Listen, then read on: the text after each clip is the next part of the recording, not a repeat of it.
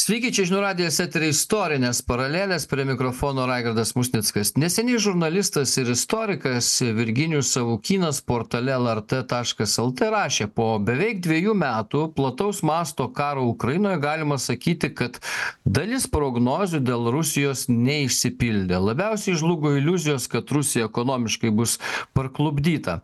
Deja, taip nenutiko, sankcijos didelės Rusijos gyventojų daugumos nepaveikė, nes jie ir be sankcijų gyveno skurdžiai priešingai daugeliui iš jų karas tapo šansu. Šansu uždirbti pinigų jei liksi gyvas įgyti socialinį statusą. Rusiška propaganda taip paveikė visuomenę kad karas tapo normalus dalykas. O rusijos imperinės ambicijos niekur nedingo jos tik dar stiprėja. Dabar aiškiai sakoma kad rusijos pagrindinis tikslas ne ukrainos okupacija bet karas su vakarais. Ukrainoje karas gali pasibaigti bet rusijos kova nepasibaigs. Imperinė ideologija vienintelis dalykas kuris suteikia šios šalies gyventojams vienybės jausmą na rašė e, virginijus savukynas. Taigi mes šiandien ir pasišnekėsime kur slypi imperializmo šaknys. E, Rusijos, e, Rusijos imperializmo šaknis. E, ir šiandien su mumis Virginijus Savukynas, žurnalistas, istorikas. Sveikas, Virginijau. Labas rytas. Ir taip pat su mumis istorikas, karo istorikas, politikas Valdas Rakutis. Sveiki, Valdai. Labą rytą tai virgi pradėkime gal nuo jūsų. E, iš tikrųjų ir putinas paskelbė kad jisai kandidatuos dar kartą į prezidentus ir kai jeigu kandidatuos ir baigs kadenciją tai tai jau bus aplenkęs turbūt visus na gal išskyrus kai kuriuos carus ar ten carienes savo buvimu valdžioje ilgumu. A o šiaip aš nebūčiau tikras reikėtų tikriausiai paieškoti caro kuris taip ilgai valdė Rusiją. Nu, gal Jekaterina, man atrodo, buvo šiaip jau ilgai, ilgai kokių 40 metų, gal jeigu aš neklystu, ne, neatsimenu dabar, bet gana ilgai, man atrodo, valdė. Nuo 62 iki 96. Nu, tai kiek čia gaunasi? 34. Na jo, tai va, tai kol kas, nu, Jekaterina pirmauja, jeigu ką. Tai vat bet e, vyras jo turbūt reikėtų dar paieškoti.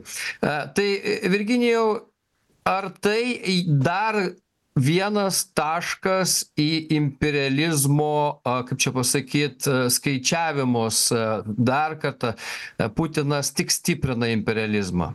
Be abejo tai man atrodo tas dalykas yra akivaizdus. Ir imperijai reikalingas stiprus vadas putinas tą demonstruoja.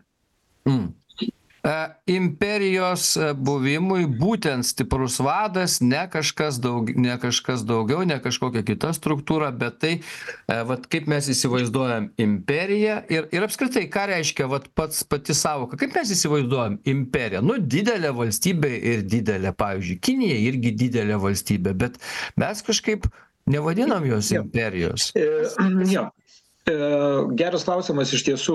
Čia galima apie imperijas labai daug kalbėti. Yra daug teorinių veikalų yra daug e, parašyta knygų yra įvairiausios tipologijos imperijų ir taip toliau ir taip toliau bet e, čia mes galime labai toli nueiti. Bet kalbėkime apie rusišką imperializmą. Ane kas tai yra? Tai rusiškas imperializmas yra tai kad jis suvokia na jeigu populiariai taip sakant kur rusijos sienos baigiasi tai jos niekur nesibaigia ten kur jie e, sutinka jėgą kuri kuri pasipriešina. Ir tai yra grėsmė aplinkiniams kraštams ir tą rodo mūsų istorija ir deja dabartis. Tai e, toks yra imperializmas. Jisai viena iš priežasčių kodėl jisai rusijoj yra būtent toksai tai regis tai kad e, ten nebuvo nacionalizmo epochos. Rusų tapatybė nes kas yra nacionalizmas? Viena tauta vienoje valstybėje. Tai aiškios aiškios yra ribos kur kur ta tauta gyvena. O štai rusai savo e, tų tų ribų nemato. Kas kas yra tas konceptas e, rusiškas pasaulis? Tai reiškia kad ten kur gyvena rusai ten yra rusijos valstybė iš principo. Ir e, dėl ko argumentavo kad mm, pradėjo žiaurų karą kruviną karą ukrainoje? Todėl kad apgintų rusakalbius. Baltijos šalims irgi grasina kad ateis čia ir gins rusakalbius tai suvokia Bet kad čia dažnis po visą pasaulį išsimėtė ir dar didesnis Tai jie toli Pavadės tai ir sako, kad jie e, sustos Lisabonoje, ar ne? Jų tankai. Toliai reiks, tiesą sakant. Jo, iš tikrųjų tas įdomu, man atrodo, kad Putinas e, prisižiūrėjęs arba prisiskaitęs yra Homero. Homeras yra e, ten Agamemnonas turbūt sakė taip, e, reiškia, a, taika tik tai vaikams ir nevykėliams, imperijos kūriamos karais. A, Va tokia Iliados yra, Iliados tekste toks yra momentas. Valdai, Ar tai, tai irgi Putinas taip supranta, kad būtent nuolat kariaujant ta, tas imperializmas labai gerai klesti? Aš manau, kad Putinas iš tikrųjų yra prisiskaitęs, nežinau, ar jisai skaitė, reiškia, Homerą, arba kiek jo skaitė, bet kad Aleksandro Makedoniečio istoriją studijavęs, tai matosi, nes, na, mes labai tą Rusiją dažnai taip paprastai suvokiam, reiškia, ir, ir tas mums kartais neleidžia suvokti jos tų klaidų gylio, jeigu taip galima pasakyti. Nes jie vis tik priklauso tai graikų bažnyčiai ir graikų bažnyčia jinai turi truputėlį skirtumų nuo mūsų. Ir vienas iš tokių skirtumų tai galbūt progreso idėjos ten nėra kažkuria prasme jisai gyvena tokiam visai kitam pasaulyje kur visi tie didvyriai ir ir visi kiti ir ir visos tos epochos jos reiškia yra tam tikroj plokščioj tokioj plokštumoj ir tada reiškiasi ten nelabai svarbu kokie čia laikai svarbu kiek tu esi pasiekęs bet kuo tu daugiau išplėsi imperijos ribas tuo geresnis valdovas. Pas juos vat šitas yra labai aiškiai išdėliotas ir jeigu taip paklausus pas žmones kuris caras geresnis kuris blogesnis tai čia būtų ko gero pagrindinis at atrankos kriterijus. O tas kur daug valdė tai tas ir kietas kuris reiškia išplėtė vat nuo tokio dydžio iki tokio dydžio. Ir Bet natūralu Aleksandro Makedoniečio pavyzdys, jeigu jis skaitė, tai jis kažkaip ne visą tą pavyzdį vykdo, nes, nes kai makedonietis šalia, šalia visų savo žiaurumų, aišku, išnaikinęs ten turbūt, nežinau, ketvirtadalį populacijos tuo metu gyvenusios, bet bet iš principo jisai kūrė e, miestus jisai statė juos o ne griovė priešingai bandė bandė sukurti kažkokį helenišką pasaulį bent jau o čia rusiškas pasaulis tai totalus naikinimas. Nu jie taip negalvoja. Jie mano kad reiškiasi jis yra doras ir švarus jis yra ne ne neišglebęs yra nesumaterialėjęs e, reiškia jis yra toksai vat e, na tyras. Čia to tokios idėjos reikėtų ieškot devyniolikto amžiaus e, rusų literatūroj kur kur ten yra ir dora ir ir visi kiti dalykai ir ir pavyzdžiui sovietiniai ten tam tikri bandymai ypatingai vėlyvajam sovietmety sukurti kažkokius geresnius žmones nes tas tradicinis rusų įsivaizdavimas kad tai yra pasaulio centras kuris atsakingas už visa kita ir kuo daugiau rusijos tuo daugiau gėrio čia pas juos yra užkoduotas na jau tikrai nuo to penkiolikto amžiaus. Aš manau kad tas penkioliktas amžius čia yra labai svarbu suvokti rusiją. Kada ivano trečiojo laikais reiškia susiformuoja ir ir ne tik sakyčiau jo bet ir ir ir ir ir ir jo žmonos reiškia sofijos ar ar ar ar zina kaip jinai vadinasi reiškia graikiškai paleologų giminės reiškia na princesei kuri kuri kaip ir perduoda bizantišką tarsi kažkokią tai šaknį į rusiją ir ir tas dvigalvis erelis čia atsiranda ir visi kiti dalykai ir dvaro tam tikra struktūra tai tai va čia ir ir čia startas tas yra. Bet jisai nėra tokiam grynam pavidale kiekvienas tas iš tų carų ką nors pridėjo ypatingai ivano ketvirtojo daug yra pridėta. O štai ko ten dabar nėra rusijoj tai aš nematau tenai romanovų dinastijos vakarietiškos krypties. Va čia yra esminis jų skirtumas jie tarsi tarsi sako kad vakarai yra toks blogis kad neverta net jos kopijuoti nors ilgisi materialinio gyvenimo tai jie vat sukuria tokią rytietišką valstybę kurios elitas gali pailsėti vakaruose. Va čia yra toks naujas tipažas kuris truputį asocijuojasi su devyniolikto amžiaus rusija kur buvo labai panašiai reiškia jinai tokia didelė valstybė bet tie žmonės važiuodavo į paryžių pavyzdžiui. Va čia būdavo toks būtinas elito žmonėms reiškiasi žygis ir tą tarp kitko pasaulį labai gerai respektuoja vakarų europa kuriai tokie atvykėliai būdavo visą laiką labai gerai nes jie kompensuodavo tą vakarietišką materializmą ir individualizmą. Reiškia čia čia reik suprasti kodėl iš kur tas elgesys rusijos pas vakariečius. Iš to kad jie turėdavo to tokio tarsi tai ko jiem trūksta. Ir ir čia mes turbūt e, negalim įsivaizduoti rusijos be jos ryšių su su kaimyninėm valstybėm ypatingai su europa. Ir ir dabar čia dabar tas griūva ir dabar tarsi liko ta tokia na auksaordiškas pagrindas ima viršų prieš prieš tą europietišką. Vat aš sakyčiau kas čia darosi. Ir todėl aš nemanau visos tos prognozės jos jau tada atrodė nerimtai kad čia mes papjausim. Kaip tu ekonomiškai papjausi rusiją kuri turi laisvas sienas dar su visom valstybėm. Ir nu prabangos prekių aišku jie gal ir negauna bet bet ne tik kinija indija taigi indija yra pagrindinis pirkėjas yra reiškia ir daugybę dalykų ten galima per ją padaryt ir ir ir niekas tos indijos ne ne nevaldys. Priešingai visi sodina į patogią kėdę kad nepereitų visiškai kinijos pusę. Tai tai čia pasaulis didelis. Ir jeigu tu negali izoliuoti tai reiškia blokada nepasiseks. Dėkui, Valdai, padarom trumpą pertrauką, po pertraukos pratesim.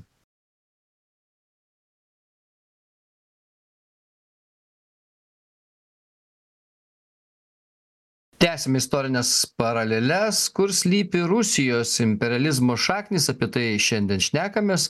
E, virginijus savukynas žurnalistas ir istorikas ir valdas rakutis e, karo istorikas politikas šiandien mūsų laidos pašnekovai. E, tai virginijau tęsiant mūsų čia tyrinėjimus iš esmės vis tiek kartais mes bandome suprasti kas čia vyksta dėl to kad yra gi tauta ar kiek yra rusų tautai tas svarbus imperializmas? Nu dažniausiai dažniausiai net čia ir minėtieji karvedžiai visokie vieni ar kiti a gi jie neklausdavo tautos reikia čia jums imperijos ar ne. Eidavo sau kariaudavo tauta sėdėdavo tuo metu ir ten nežinau kepdavo mėsą kur nors ant laužų gal. A o o o kas s o karvedžiai ir ir valdovai eidavo kariaut. Tai vat kiek yra tas santykis caro ir apskritai kodėl caro kultas toks yra svarbus rusijoj ir ir koks yra e, santykis tautos su caru ar jie čia visą laiką palaiko mes sakom jeigu aišku karas pasibaigtų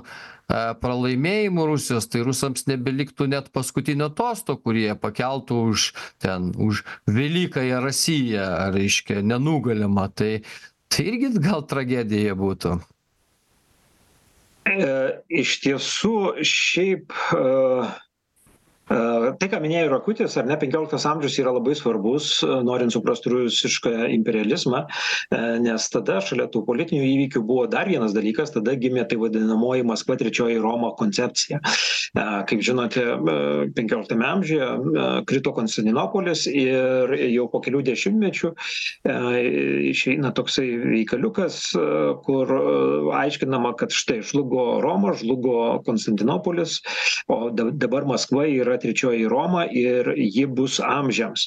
Ir taip pat Rusija, Maskva tampa, na, prisima savo, ar ne, vat, būtent tos tikrosios Romos nešėjos ir, ir, ir, ir švietėjos funkciją.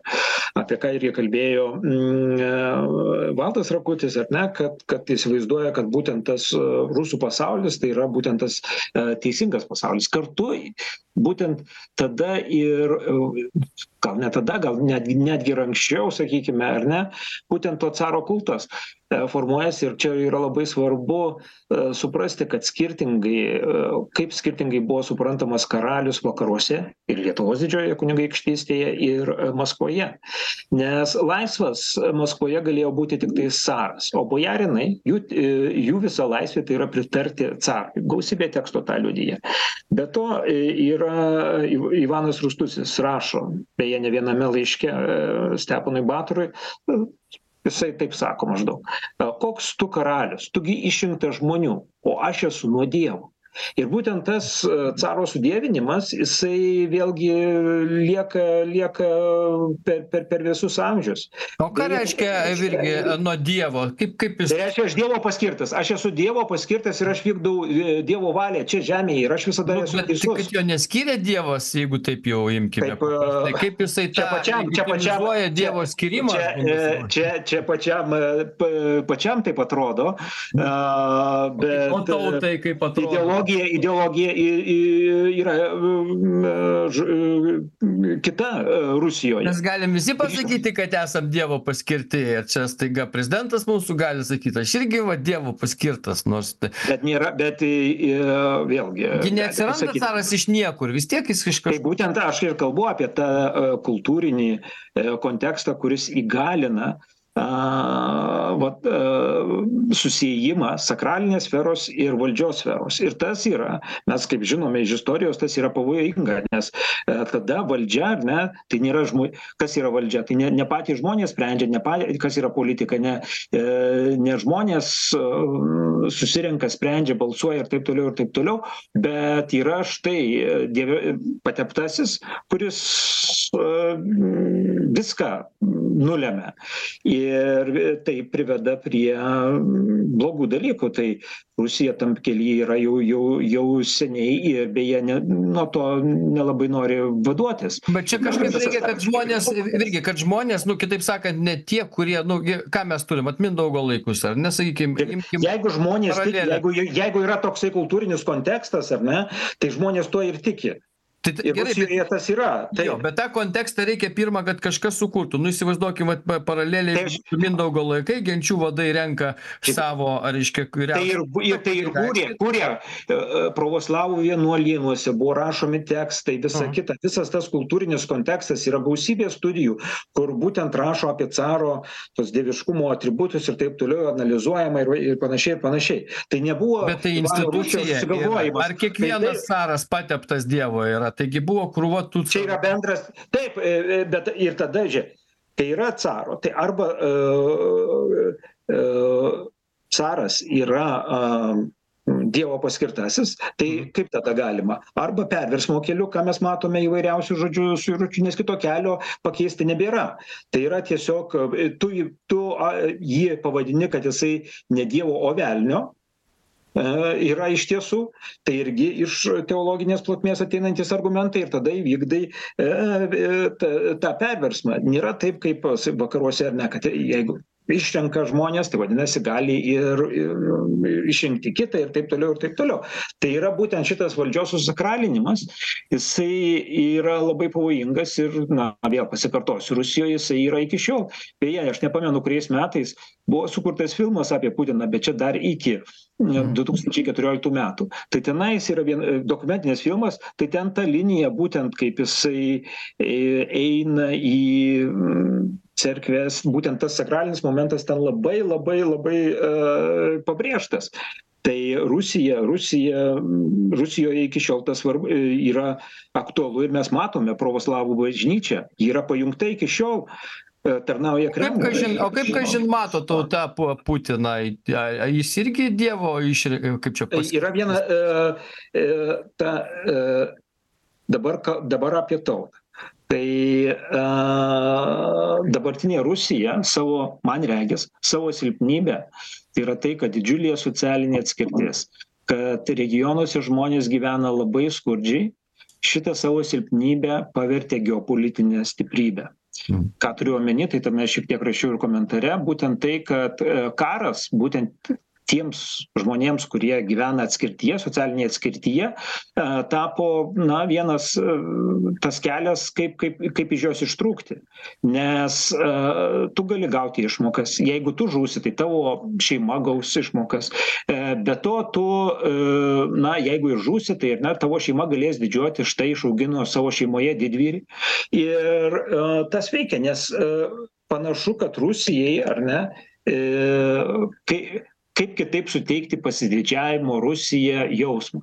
Gero gyvenimo per e, 30 metų e, regionuose taip ir nesugebėjo užtikrinti. Tai yra vienas, e, liko vienas kelias, tas geopolitinės jėgos naudojimas ir va, tokie karai. Nes tada rodoma štai, mūsų bijo, mes, mes pasijėmėme žemę, prieš mus visi dreba, reikia džiaugtis. Gerai, tai dėkui, irgi padarom a, trumpą pertrauką, naujausios žinios po pertraukos pratęs.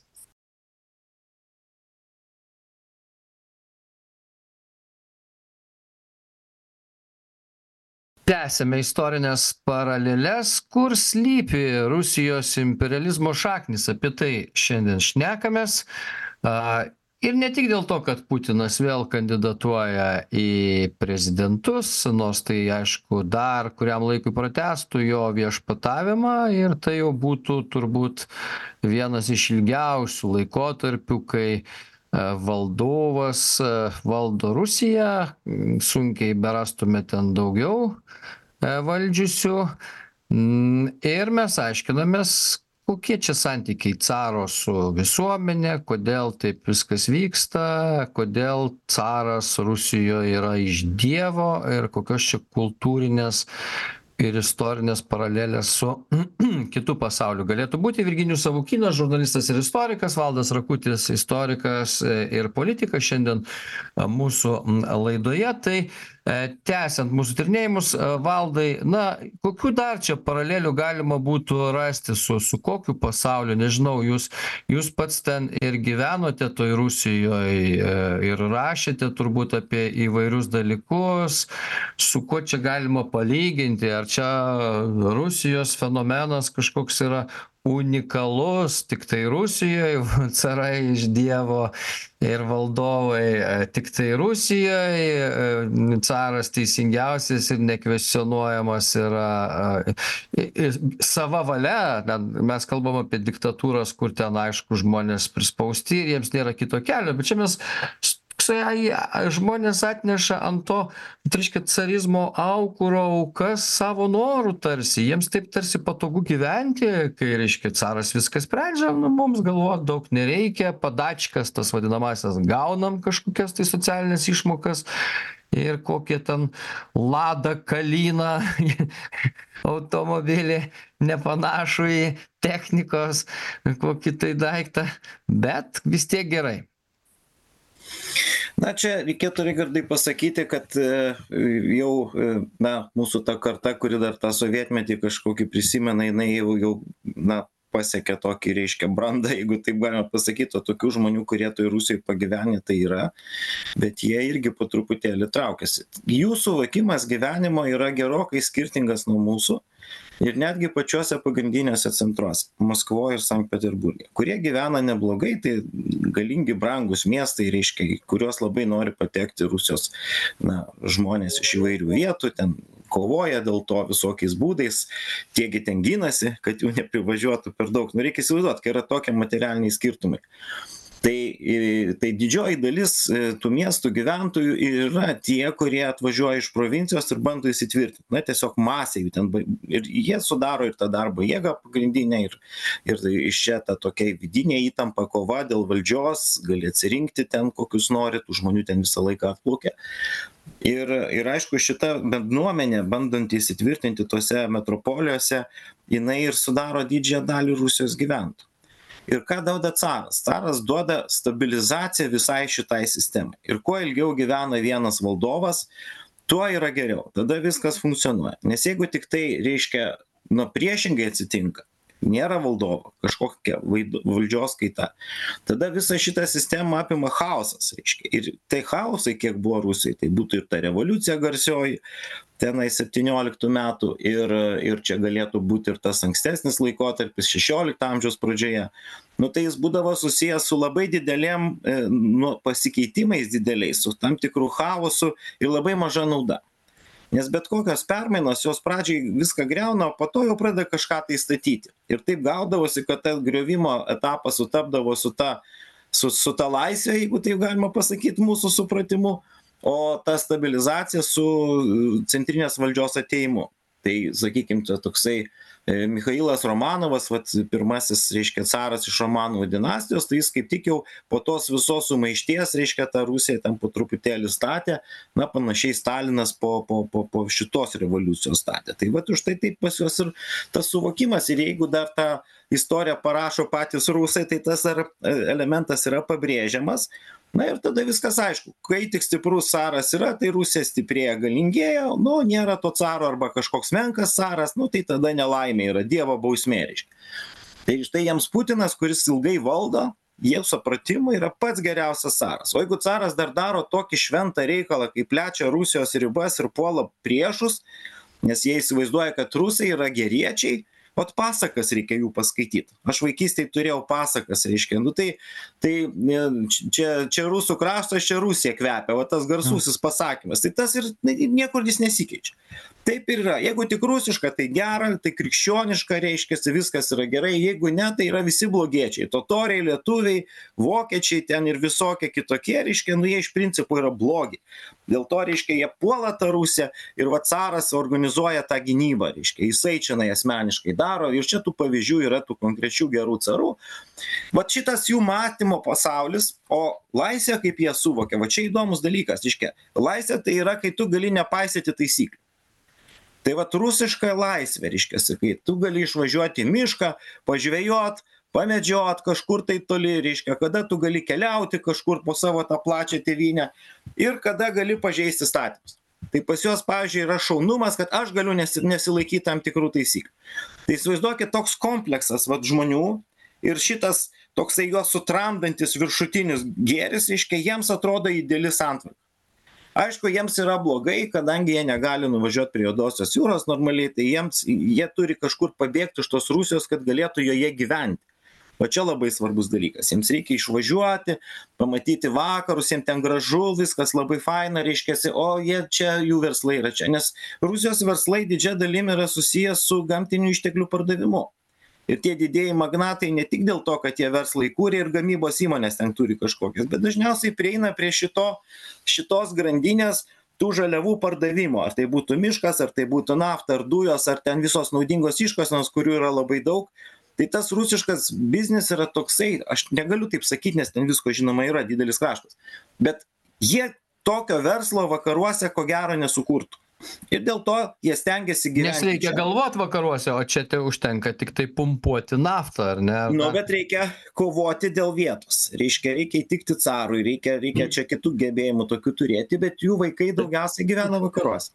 Jo, bet žiūrėkit, ką parodė 30 metų istorija. Taip, būtent e, naftos ir dujų e, doleriai, e, didelė dalis buvo panaudota korumpuoti vakarus, vakarų valstybės, Europos, Europą.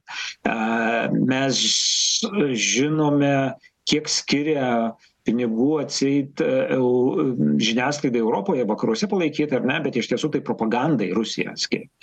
Tai aš esu įsitikinęs, nes kad e, pagrindinis tikslas tai yra vakarų silpnumas.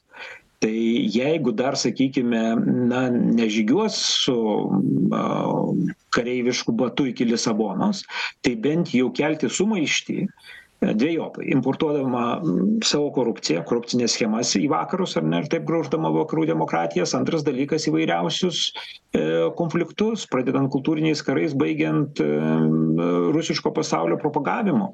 O prasme kokia yra, Virgi, tą, tą daryti dėl to, kad, nu, Todėl, kad silpnesni vakarai, sil- silpnesni vakarai, stipresnė Rusija. Tai yra akivaizdu, tai yra geopolitinis galios žaidimas. Tai viskas, mes atėjome į, į tą epochą, kada geopoliti, taip, geopolitika visada veikia, bet dabar yra ta sunkioji geopolitika. E, pa- e, Pasaulis pasikeitė ir kam to reikia? Todėl, kad e, taip, dabar tokios taisyklės. Tai mes čia vakariečiai vat, galvojame, štai e, prekiausime, e, visi gerai gyvensime po truputį. Deja, Rusija parodė, kad, e, kad kitaip tenais galvojama. Šitas karas parodė akivaizdžiai, dar jeigu iki tol galėjome turėti kažkokias tai iliuzijas, taip, dabar parodė, kad Rusijoje kitokiamis kategorijomis galvojama. Prašau. Taip, Ir ta, taip. taip, valdai, prašom. Tai aš labai pritarčiau iš tikrųjų Virginijui, kuris sako, kad į tą schemą, į tą rusiško pasaulio schemą pateko ištisos vakarų valstybės ir verslo sritis, reiškia, nes tai irgi turi savo patrauklumą. Nes vakarai galvoja, kad čia yra kolonijinės epochos tasa, reiškia, ir kad jie va savo užsims gamybą, o Rusija bus tokia rinka, kuri viską perka ir žaliavas pil- taip parduoda, nesuprasdami, kad jie tapo rusiško žaidimo sudėtinė dalim, kada jie e, tampa panašiai kaip e, Petro I laikais Baltijos provincijos, reiškia, ten irgi jiem palieka ir vokiečių kalbą, ir universitetus, ir ką tik nori, reiškia, bet jie turi tą stiprinti imperiją. Ir daugybė yra vakariečių, kurie e, važiuodavo į tą peterburgą ir dar važiavo prieš prieš keletą metų ir dar gal važiuoja ką mes žinom kurie reiškiasi tą imperiją stiprina savo individualistiniais gebėjimais nes imperijai reikalingas tam tikras elitas. Tai jie irgi pateko į tą rytų spindesį. Ir čia mes šitoj vietoj turime suvokti kad kad tas žaidimas jisai turi daug šansų į sėkmę. Nes jo stiprybė yra vakarų visiškai nesugebėjime nieko padaryti.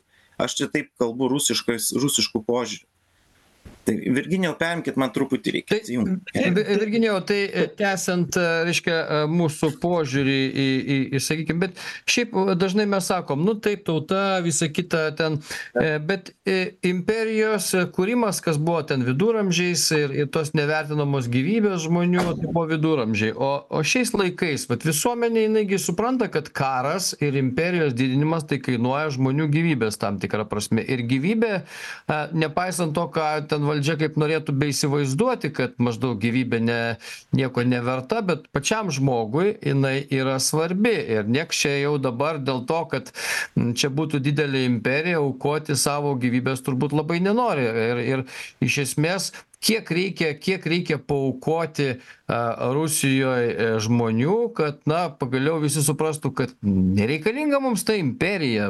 Susikurkim čia gyvenimą kaip nors be to be to imperializmo. Ar gali būt tokie kažkokie pat virsmai sąmonėje visuomenės ar ne? Reikia tikėtis kad jie įvyks bet mes matome visai kitą situaciją. Ir čia vėlgi klausimas sakykime taip individualiai jeigu mes pasižiūrėsime individualiu lygiu tai aš visiškai na sutinku ir manau kad tie eiliniai rusai kurie yra pakviečiami ir kurie yra siunčiami į ukrainą jie nelabai na supranta tą pavojų ir tikriausiai nelabai nori daugelis iš jų ar ne nes ta mirties baimė ji egzistuoja nuo jos niekur nedingsi bet kokia yra sistema nori nenori eiki visą na tave paima pagaliau apie ką aš kalbėjau ar ne yra tam tikros na kompensacijos išmokos ir taip toliau ir taip toliau ir tai yra visa mašina ji veikia tokia kas kas rusijoj ar mes matėme kokias nors demonstracijas. Karo pradžioje buvo jos. Keli tūkstančiai išėjo sutvarkė valdžia ir dabar bijo žmonės. Taip mes išgirstame aš sakyčiau taip tokius didvyriškus pavienių rusų poelgius kada jie protestuoja prieš karą mokykloje ir tada suima vaikus iš jų atima išsiunčia į vaikų namus. Tai jie suprato ką jie daro. Tai čia mano supratimu tai yra did tas didvyriškumas bet jie vis tiek pasisakė prieš karą ukrainoje. Toliau ar ne aš irgi karo pradžioje galvojau štai ly ly nes lygino su karu afganistane sovietų sąjungos ar ne tenais penkiolika septyniolika tūkstančių žuvo per kiek per devynis metus. Ukrainoje kiek žuvo? Ir ir nieko ir toliau tai tiesiog užvesta mašina. Ir tiesą pasakius jau nebesvarbu dar vienas dalykas yra man regis jau nebesvarbu ką a rusai galvoja nes jie gali galvoti irgi kaip sovietiniais laikais em virtuvėje e yra mašina sukurta ir ji yra imperialistinė mašina ir ji veikia. Ir kas ją gali su sutramdyti ar sulaužyti. Bet visos imperijos jinai anksčiau ar vėliau sugriūna. Jūs gi puikiausiai tą žinote. Minėtoje taip bet bet yra vienas dalykas klausimas taip ar ne? Va toms imperijos aukoms ar ne? Kada kada imperijos kuriasi kada yra galingos tai yra skirtumas imperijos aukoms ar ne? Ir jeigu mes tapsime imperijos auka rusijos imperijos auka tai tiesiog na mums bus blogai tai mes apie tai kalbame.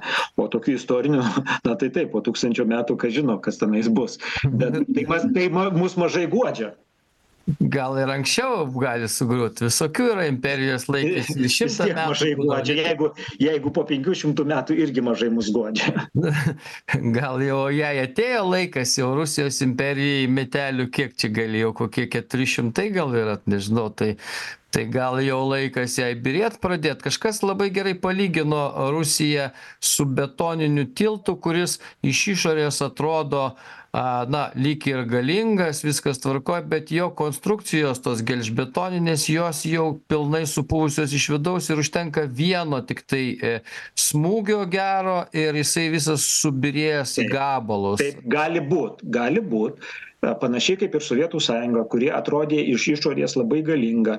Ir beje prisiminkime ar ne dabar yra daug išslaptintų dokumentų kaip apie sovietų sąjungos pabaigą ir kaip matė vakarai. Tai iš tiesų irgi panaši situacija kad vakarai nenorėjo kad subyrėtų sovietų sąjunga ir iš tiesų šiaip jau įvairūs viražai ir mūsų nepriklausomybės istorija tai kad e kaip sakykime vakaruose buvo ta nuomonė kad būtų tas palaipsnis e išėjimas baltijos šalių iš sovietų sąjungos užkulisiuose ar ne? Ir ir tas žlugimas devyniasdešim pirmais metais irgi buvo netikėta įvairioms žvalgyboms nes kaip čia taip dabar nutiko? Tai panaši nuostata ir man regis ir dabar vakaruose yra. Ir taip e kaip rusiją mes matome ar ne ten socialinė atskirtis visa tas silpnumas ekonomika ar ne paremta vien tiktais nafta ir dujomis tai rodo jos irgi tą silpnumus bet čia yra du dalykai. Ir tada norint išlaikyt tokią šalį reikalinga tokia imperija reikalinga kažkur tai nukreipt dėmesį tautos žmonių į išorę ir tam kad tu galėtum išlaikyt visą tą mechanizmą.